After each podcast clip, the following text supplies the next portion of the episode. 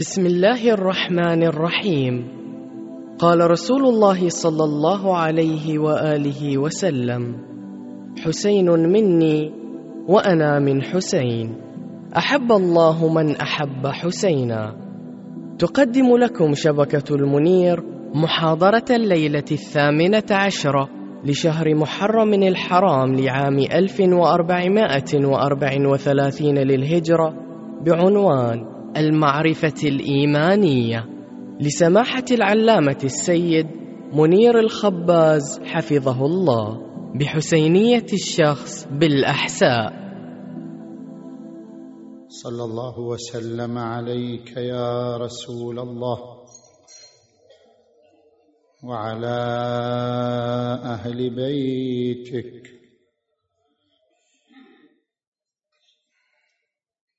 المعصومين المنتجبين.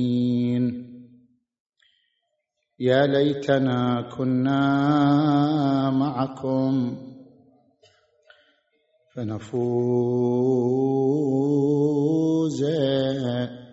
فوزا عظيما.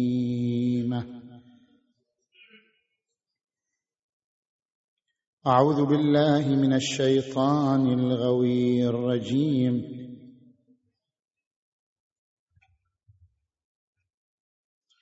بسم الله الرحمن الرحيم. إنما المؤمنون الذين إذا ذكر الله وجلت قلوبهم وإذا تليت عليهم آياته زادتهم إيمانا وعلى ربهم يتوكلون. آمنا بالله صدق الله العلي العظيم.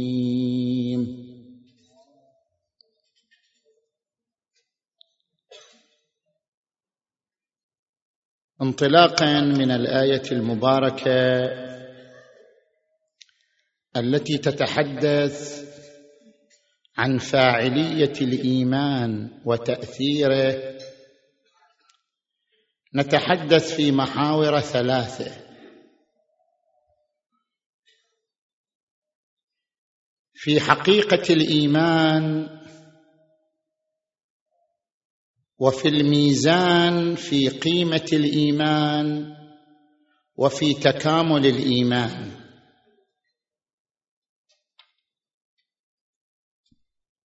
المحور الأول في حقيقة الإيمان. ما هي ماهية الإيمان؟ قد يقول إنسان أن الإيمان هو الإقرار والإذعان ولكن الإقرار على نوعين. إقرار انفعالي وإقرار فعلي. فهل الإيمان إقرار انفعالي أو إقرار فعلي؟ مثلا إذا رأى الإنسان الشمس بعينيه وأحرقه لهبها أقر بها وأذعن بها. لكن إقرار الإنسان بالشمس إقرار انفعالي. الشمس فرضت نفسها عليه. الشمس أجبرته أن يقر بها. هذا إقرار انفعالي. وتارة يكون الإقرار فعليا. مثلا الإنسان يسمع أن الماء إذا بلغت درجة حرارته مئة في الظروف الطبيعية فإنه يغلي. قد ما يصدق الإنسان فيقوم بالتجربة المكررة إلى أن يحصل له الإذعان والإقرار بهذه القضية. فهنا الإقرار فعلي وليس انفعالي بمعنى أن الإقرار خضع لعملية فكرية واعية. فالإقرار الفعلي ما كان عن عملية واعية. والإقرار الانفعالي ما كان إقرارا قهريا على الإنسان. الإيمان الذي يدعو إليه القرآن وتحث عليه الآيات الشريفة إنما المؤمنون الذين إذا ذكر الله وجلت قلوبهم ليس من سنخ الإقرار الانفعالي وإنما هو من سنخ الإقرار الفعلي كيف؟ الإيمان يتشكل من عناصر أربعة الانكشاف واليقين وعقد القلب والخضوع. العنصر الأول عنصر الانكشاف. إذا قام الدليل والبرهان على فكرة معينة فقد انكشفت تلك الفكرة. وهنا يتحقق العنصر الأول. مثلا الإنسان لا يدري أن هذا القرآن وحي من الله أم لا. من يقرأ القرآن وينظر إلى الآيات التي تحدثت عن أسرار الكون وأسرار الطبيعة قبل أن يكتشف الإنسان هذه الأسرار بألف وأربعمائة سنة. عندما يقرأ قوله تعالى وترى الجبال تحسبها جامدة وهي تمر مر السحاب. صنع الله الذي أتقن كل شيء. شوف القرآن يشير إلى حركة الأرض. قبل أن تكتشف حركة الأرض. هنا هذا يسمى انكشاف. انكشف له أن القرآن وحي من الله. إذ لو لم يكن وحيا من الله لما أشار إلى أسرار لم يكتشفها الإنسان إلا بعد مئات السنين. هذا العنصر الأول عنصر الانكشاف. العنصر الثاني عنصر اليقين. إذا انكشف الواقع أيقن الإنسان بذلك الواقع المنكشف. وذكرنا في الليلة السابقة أن العقل يرى ملازمة عقلية بين انكشاف الواقع وبين اليقين بذلك الواقع المنكشف. هنا إذا تبين للإنسان أن القرآن وحي من الله أذعن وصدق بعقله من كشف لديه. هذا الركن الثاني والعنصر الثاني وهو عنصر اليقين. واعبد ربك حتى يأتيك اليقين. نجي إلى العنصر الثالث. العنصر الثالث مطاوعة القلب للعقل. هناك كثير من المعلومات تبقى حبيسه العقل وهناك معلومات تتخطى العقل. فيطاوعها القلب. المعلومات التي يتطابق العقل والقلب عليها هي المعلومات الإيمانية. أما المعلومات التي تتقوقع في العقل ولا تنفذ إلى القلب ليست معلومات إيمانية. أنا أضرب لك مثال. هذه النقطة مطاوعة القلب للعقل. هذه النقطة يبحثها علماء النفس كما يبحثها علماء الأصول عندنا في الفكر الإسلامي. يمثلون بهذا المثال لو أن شخصا وضعنا أمامه جسد إنسان ميت في غرفة مظلمة مغلقة. خلينا هو والميت في غرفة مظلمة مغلقة. هذا الإنسان ينتابه الخوف تنتابه الهواجس من هذا الإنسان الميت الذي أمامه. لماذا؟ مع أنه يعلم أن هذا الإنسان شنو؟ ميت. يعني العنصر الأول وهو الانكشاف متحقق. مع أن لديه يقين أن هذا الميت لا يؤذي ولا خطر فيه. يعني العنصر الثاني متحقق وهو اليقين. بس العنصر الثالث بعدما صار. مطاوعة القلب للعقل. تيقن عقله أن هذا الميت لا خطر فيه لكن قلبه لم يصدق عقله لم يتطابق قلبه مع عقله. هنا ما يتم الإيمان لابد أن يتحقق العنصر الثالث. العنصر الثالث عنصر الإرادة أن تتدخل الإرادة فتعقد القلب على طبق العقل. عقد القلب على طبق العقل عنصر أساس من عناصر الإيمان. ولذلك يقول القرآن الكريم حكاية عن كفار قريش وجحدوا بها واستيقنتها أنفسهم. يعني هم حصلوا على عنصرين فقط. لكن فقدوا العنصر الثالث. انكشف لهم الواقع وقامت لديهم الأدلة على خالقية الله وتيقنت نفوسهم بتلك الأدلة لكن قلوبهم لم تطع عقولهم.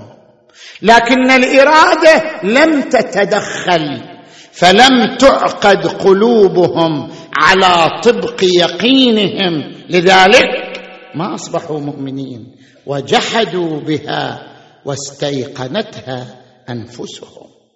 إذا العنصر الثالث وهو عقد القلب ضروري. العنصر الرابع عنصر الخضوع. يعني شنو الخضوع؟ الخضوع هو اللين والمحبة. لا إيمان بدون لين. وبدون محبة. أضرب لك مثال. الإنسان عندما يعيش تحت دولة ظالمة يقول لك أنا أعيش تحت دولة ظالمة ولا أقدر على تغييرها ولا أقدر على تبديلها فأنا مضطر إلى أن أسلم بها. مضطر إلى أن أعقد قلبي على التسليم لأوامر هذه الدولة ولأحكامها إلا أن عقد القلب هذا ليس إيمانا. لما لأنه ليس عن حب ولين وخضوع. إنما هو عن اضطرار. عقد القلب عن اضطرار ليس إيمان. عقد القلب عن حب. ولين وخضوع هو الإيمان. ولذلك يركز القرآن الكريم على مسألة الحب والخضوع. والذين آمنوا أشد حبا لله. القرآن يركز يا أيها الذين آمنوا من يرتد منكم عن دينه فسوف يأتي الله بقوم يحبهم. ويحبونه. أذلة على المؤمنين أعزة على الكافرين. الحب والخضوع لله عز وجل عنصر أساس من عناصر الإيمان. وإذا ذكر الله وحده اشمأزت قلوب الذين لا يؤمنون بالآخرة. وإذا ذكر الذين من دونه إذا هم يستبشرون فقدوا الحب فليسوا بمؤمنين وإن كانوا مسلمين بأن الله خالق. لكن هذا ليس إيمانا. اذا الإيمان عملية واعية عملية فعلية وليست انفعالية. الإيمان يرتكز على هذه العناصر الأربعة انكشاف ويقين وعقد قلب وخضوع. بدون ذلك لا يتحقق الإيمان. نجي الآن إلى المحور الثاني من حديثنا. صلوا على محمد وآل محمد.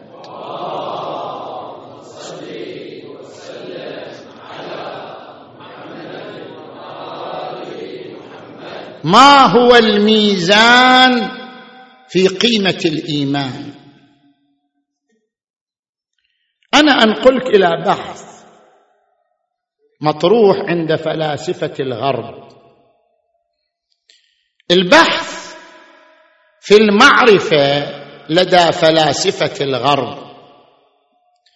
هل أن المن هل أن الميزان في المعرفة على المعرفة المعللة أو على المعرفة المدللة. هناك اتجاهان. الاتجاه الأول يقول الميزان والمدار في المعرفة على المعرفة المعللة. فرويد فوكو يمشوا على المعرفة المعللة. شنو معنى المعرفة المعللة؟ يعني أن الفكرة التي تولد في ذهن الإنسان ونسميها معرفة هذه الفكرة لم تتولد اعتباطا وإنما نشأت عن سبب. هناك سبب غرس الفكرة في ذهن الإنسان فالفكرة معللة بذلك السبب. قيمة هذه الفكرة بقيمة سببها وعلتها.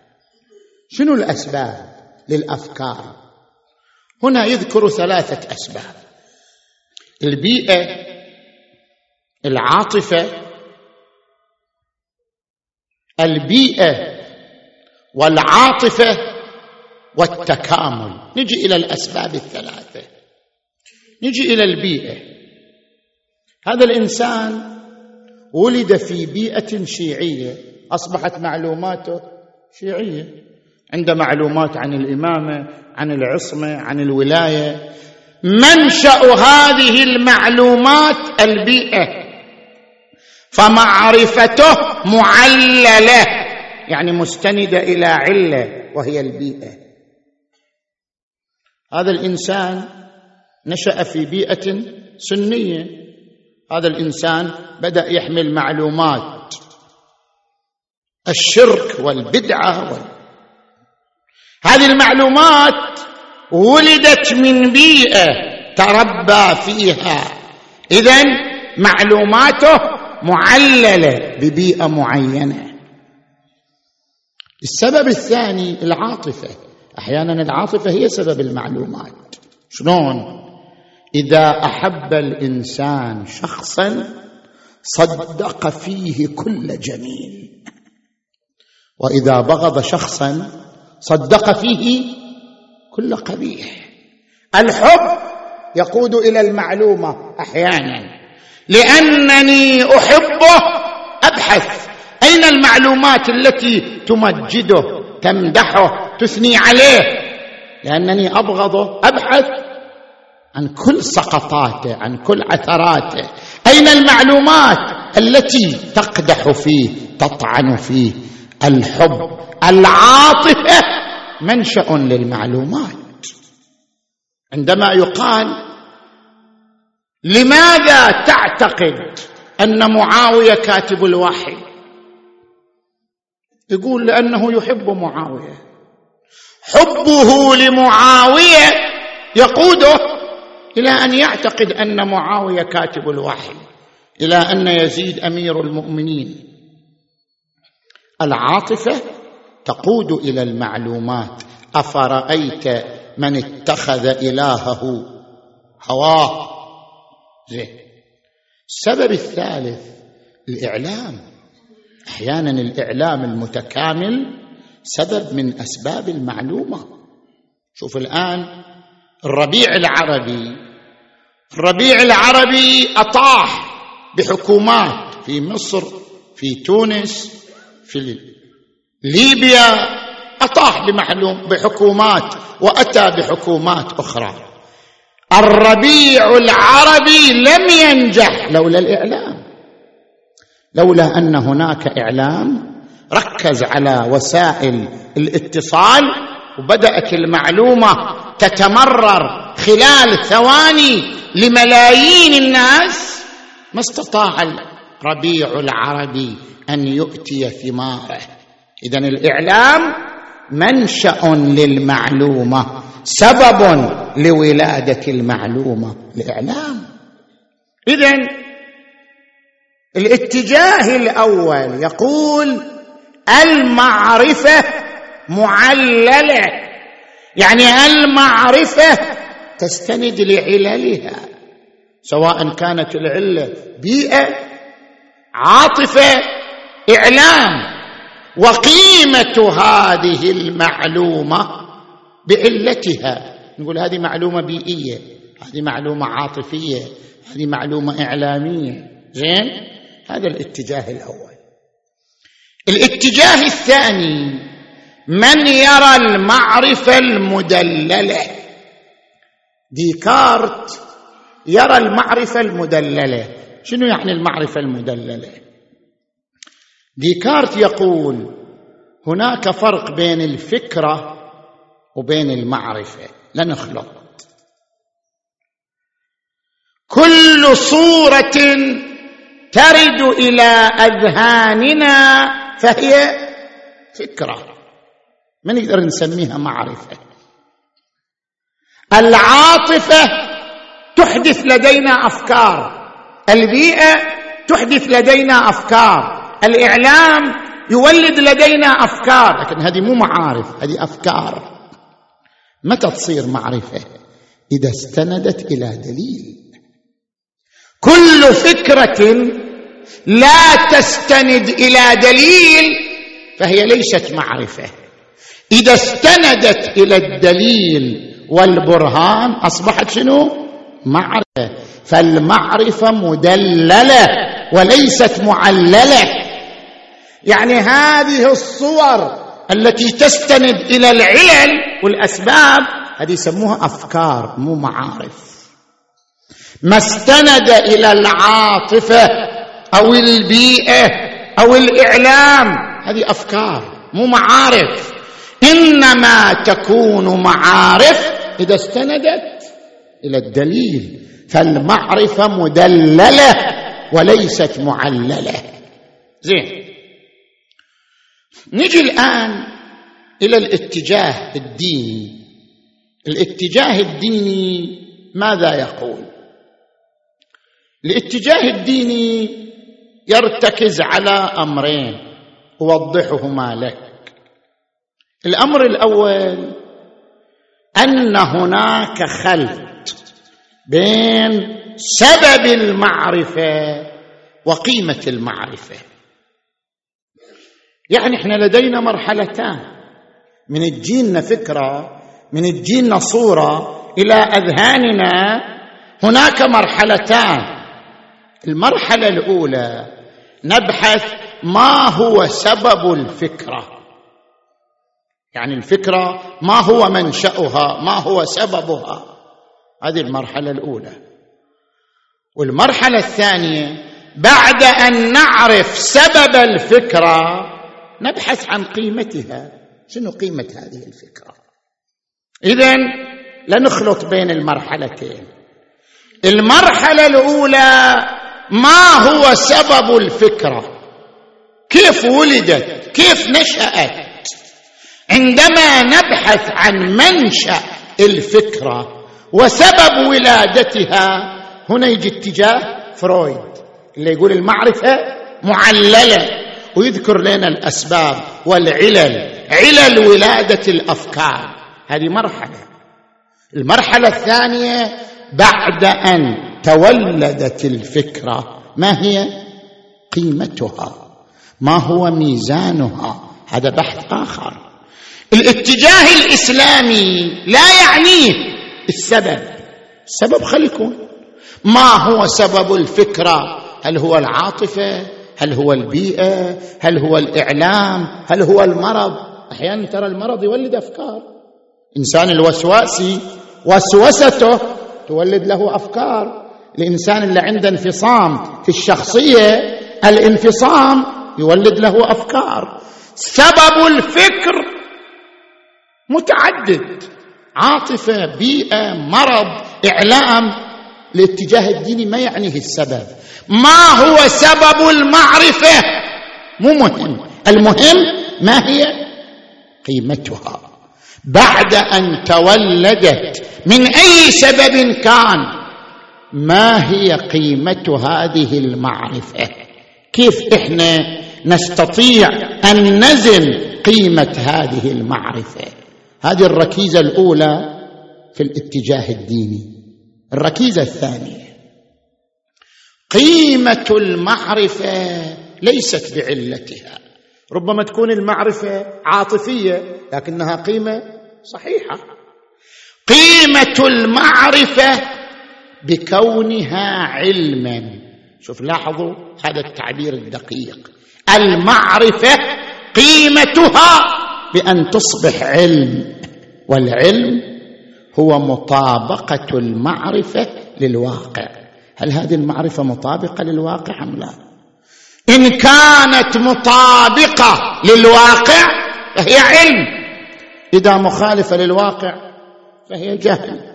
قيمة المعرفة بأن تصبح علما. ومعنى العلم أن تكون المعرفة مطابقة للواقع. القرآن الكريم يركز على العلم المعرفة بكونها علما. ولا تقف ما ليس لك به علم. إن السمع والبصر والفؤاد كل أولئك كان عنه مسؤولا. هل يستوي الذين يعلمون والذين لا يعلمون؟ إنما يتذكر أولو الألباب. إنما يخشى الله من عباده العلماء. يرفع الله الذين آمنوا والذين أوتوا العلم درجات العلم. زين كيف إحنا نكتشف أن هذه الفكرة مطابقة للواقع فهي علم أو غير مطابقة فهي جهل؟ ولا يخلو.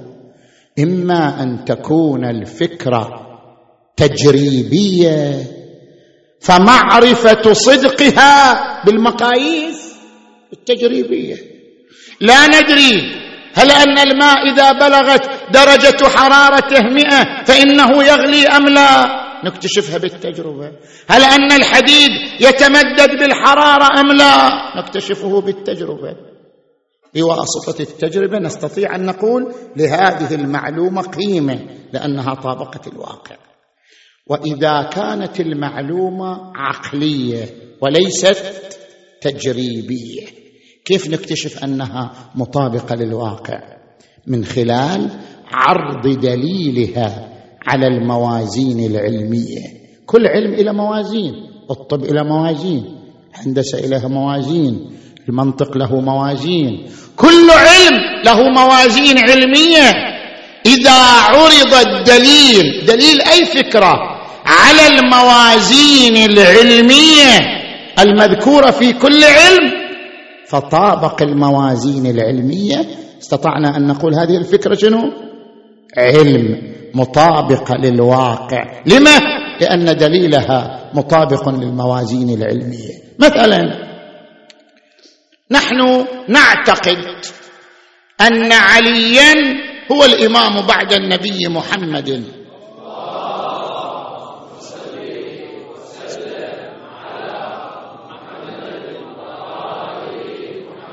هذه المعلومة مو تجريبية حتى إحنا نثبت صدقها بالتجربة.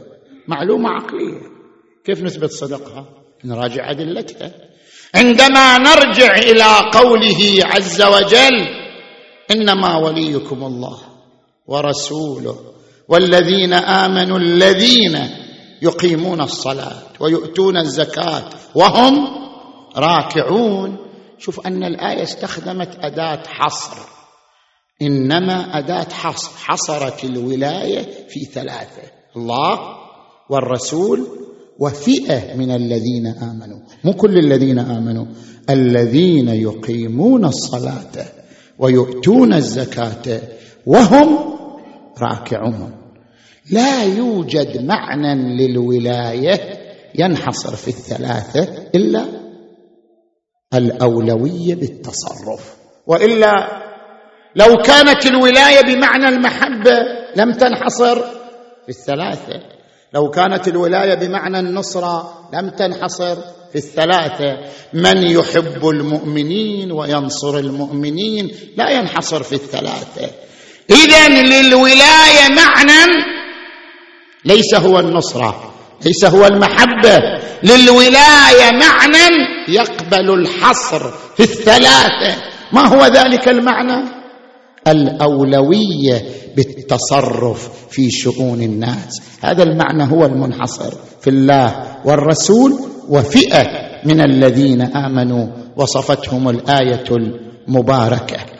اذا من هذا نعرف أن هذا الدليل للامامه مطابق للموازين العلمية. لأجل ذلك مؤدى هذا الدليل فكره صائبة اذا هي علم لأن دليلها مطابق للموازين. فعرفنا من هذا المحور أن قيمة المعرفة ليست بكونها معللة كما يراه فرويد ولا بكونها مدللة كما يراه ديكارت وإنما بكونها علما مطابقا للواقع. بعد إثبات مطابقته بعرض الدليل على الموازين العلمية. الآن نربط بين هذا المحور والمحور السابق. في المحور السابق تحدثنا عن حقيقة الإيمان. في هذا المحور تحدثنا عن قيمة المعرفة. نستنتج أن قيمة الإيمان باستناده إلى المعرفة الصحيحة. قيمة الإيمان باستناده إلى العلم. قيمة الإيمان بأن يكون مقترنا بالعلم. لا قيمة للإيمان إذا لم يكن مستندا إلى العلم.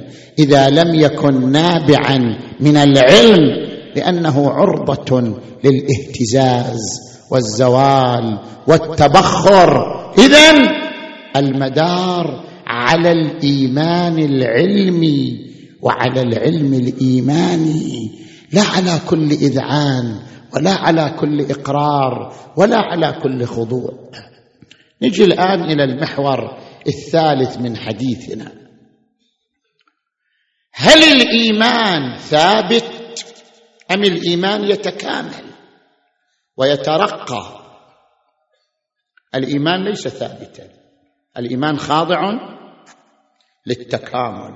الآية التي قرأناها إنما المؤمنون الذين إذا ذكر الله وجلت قلوبهم وإذا تليت عليهم آياته زادتهم إيمانا وعلى ربهم يتوكلون. الإيمان يزداد. كيف الإيمان يزداد. إحنا شرحنا في المحور الأول حقيقة الإيمان. قلنا الإيمان عناصر أربعة انكشاف ويقين وعقد قلب وخضوع. من عناصر الإيمان اليقين. وبما أن اليقين يزداد اذا الإيمان يزداد. الإيمان تابع لليقين. كما أن اليقين يتكامل ويترقى. اذا الإيمان يتكامل ويترقى. كيف اليقين يتكامل ويترقى؟ أشرح لك مختصرا. فلاسفة يقولون العلوم ثلاثة علم عقلي علم شهودي علم فنائي. نتيجة تنوع العلم يتنوع اليقين ويتكامل. نجي إلى العلم العقلي. العلم العقلي هو عملية عقلية تصورية عبارة عن الانتقال من الأثر إلى المؤثر. كيف؟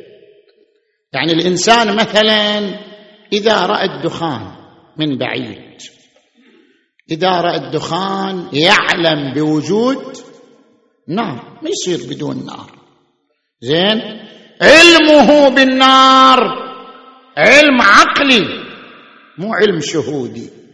يعني هو أجرى عملية عقلية رأى الأثر فاكتشف منه المؤثر. هذه عملية عقلية أجراها على إثرها علم بوجود النار. هذا علم عقلي. واليقين المتولد منه يسمى علم اليقين أول درجات اليقين. زين. بعدين عندنا قسم ثاني من العلم ألا وهو العلم الشهودي يعني العلم الوجداني. مثلا الإنسان لا رأى النار أمام عينه أو لمس النار فأحس بحرارتها. عندما أحس بحرارة النار صار عنده علم ثاني. علم شنو؟ وجداني. هو قاعد أنا بوجداني أشعر بحرارتها ولذعتها. هذا الشعور الوجداني يحدث يقينا أرقى من اليقين الذي يحدثه العلم العقلي. يسموه عين اليقين. القرآن الكريم أشار إلى هاتين الدرجتين كلا لو تعلمون علم اليقين لترون الجحيم ثم لترونها عين اليقين. في بعض الروايات الواردة عن النبي محمد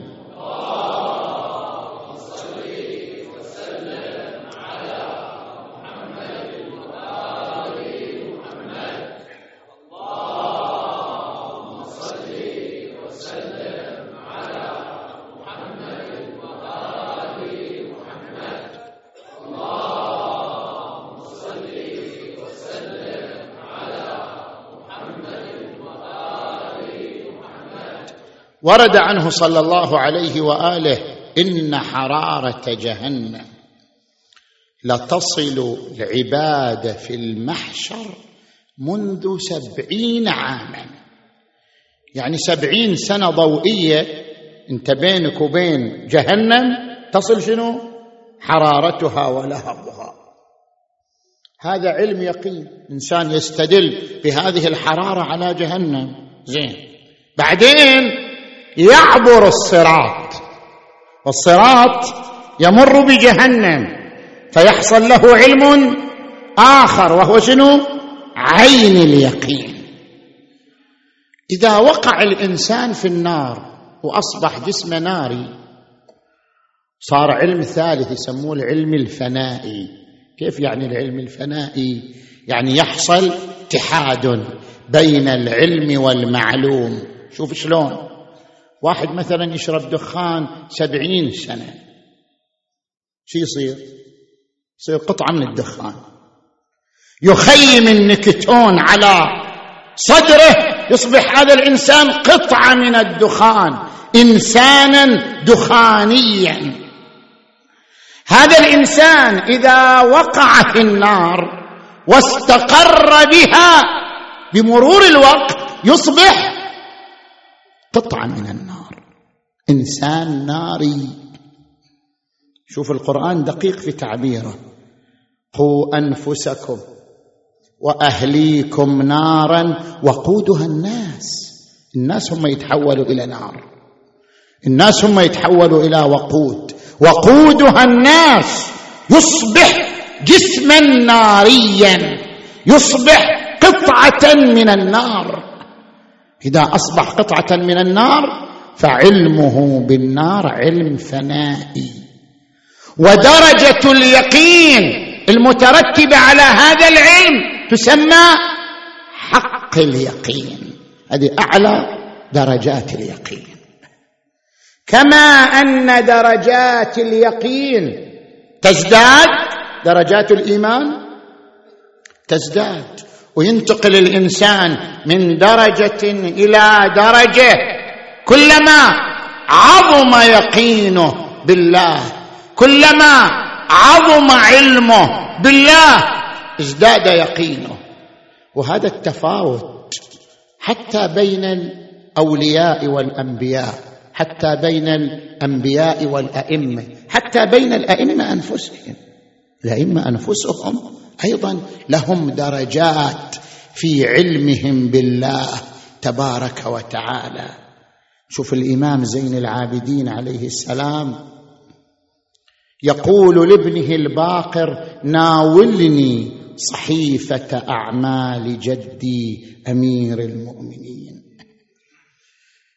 يأخذ الإمام زين العابدين تلك الصحيفة وهو إمام معصوم فيبكي ويقول من يقدر على عبادتك يا أمير المؤمنين؟ من يقدر على عبادتك يا أمير المؤمنين؟ هناك درجات وتكامل في صراط العلم بالله تبارك وتعالى. فعندنا علم يقين وعين يقين وحق يقين. علماء العرفان يضيفون درجة رابعة يسمونها صدق اليقين. شنو معنى صدق اليقين؟ العلم على قسمين. هناك علم ليس له أثر عملي وهناك علم له أثر عملي. مثلا أنا أعلم بأن المسافة بين الشمس والأرض 93 مليون ميل. بس هذا العلم ما له أثر عملي. شنو أثر على سلوكي؟ شنو أثر على حياتي؟ علمت لو ما علمت. علم ليس له أثر عملي. وهناك علم له أثر على سلوكي. علمي بالقبر علمي بالآخرة علمي بالموت له أثر على حياتي له أثر على سلوكي. العلم الذي له أثر عملي إذا سيطر على الإنسان بحيث كل تصرفاته نابعة من ذلك العلم يسموه صدق اليقين. الإنسان الذي يسيطر عليه علمه فلا يتحرك إلا بعلمه. هذا إنسان صادق اليقين. أكو إنسان يحركه هواه. أكو إنسان تحركه عاطفته. أكو إنسان تحركه مصالحه الشخصية. المحركات والدوافع كثيرة. قد تكون المحرك مصلحة قد تكون عاطفة قد تكون الخوف قد يكون المرض. كل هذا ليس من صدق اليقين في شيء. صدق اليقين أن تستند كل الحركات إلى العلم واليقين. شخص لا يتحرك ولا يسكن ولا يفكر ولا يحب ولا يبغض إلا استنادا إلى علمه ويقينه بربه. حاكمية اليقين على جميع التصرفات هي صدق اليقين. هذا إنسان صادق اليقين. ولذلك ترى بعضهم يفتخر بأنه وصل إلى هذه الدرجة درجة صدق اليقين أن يقينه مبدأ تصرفاته. تالله ما هذه فعال ديني ولا فعال صادق اليقين. العباس بن علي السلام عليك أيها العبد الصالح. المطيع لله ولرسوله ولأخيه فنعم الأخ المواسي. صدق اليقين. يا نفس من بعد الحسين هوني وبعده لا كنت أو تكوني. هذا حسين وارد المنون وتشربين بارد المعين. تالله ما هذه فعال ديني ولا فعال صادق اليقين. شلون أشرب وأخوي حسين؟ أنا أشعر بحرارة عطش الحسين. شلون أشرب وأخوي حسين؟ عطشان وسكنة والحرم وأطفال. رضعان وظل قلب العليل اشتعل نيران وظن عمر قضى. ولا أجل قصر هذا الماي يجري بطون حيات وذوقه قبل اخوه حسين. إي ما هي إلا دقائق. الآن هو يشعر بحرارة العطش في قلبه. وبعد دقائق وإذا الحسين واقف على جسده رآه سهما في عينه سهما في صدره مقطوع الكفين مفضوخ الظهر أخذه.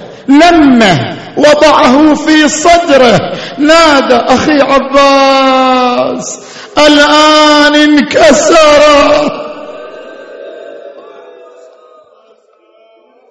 هذا أخوه وحبيبه وعزيزه صار ياخذ راسه وخليه بصدره ويضمه ويمسح التراب والدماء عن وجهه. لكن العباس يرمي برأسه على الأرض. يرجع الحسين يأخذ رأس أخوه وضمه إلى صدره. أخي عزيزي عباس وهو يرمي برأسه إلى الأرض. مرتين ثلاث أخي عباس قطعت قلبي. ما لي كلما وضعت رأسك في حجري رميت به إلى الأرض. ليش؟ قال أخي أبا عبد الله.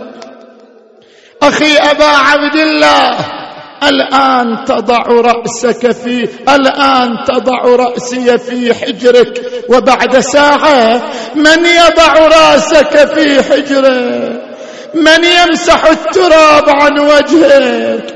من يمسح الدماء عن شيبتك؟ إيه قامت بالدور زينب الصغرى. زينب الصغرى المكنات بأم كلثوم هي اللي حضرت عند الجسد الشريف وقت المصرع.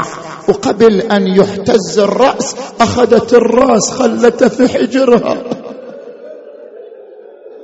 وقامت تمسح عنا التراب وتمسح عنا الدماء. أخي حسين كلمني حسين أجبني حسين وهو يؤن أنينا ويحن حنينا.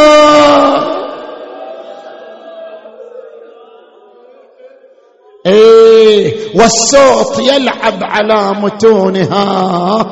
وعلى زنودها إلى أن غشي عليها.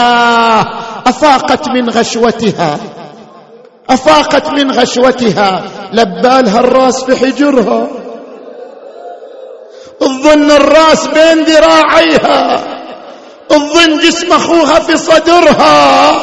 ما وعت رفعت طرفها إلا والراس يتدلى على راس الرب أنا مناد واحسن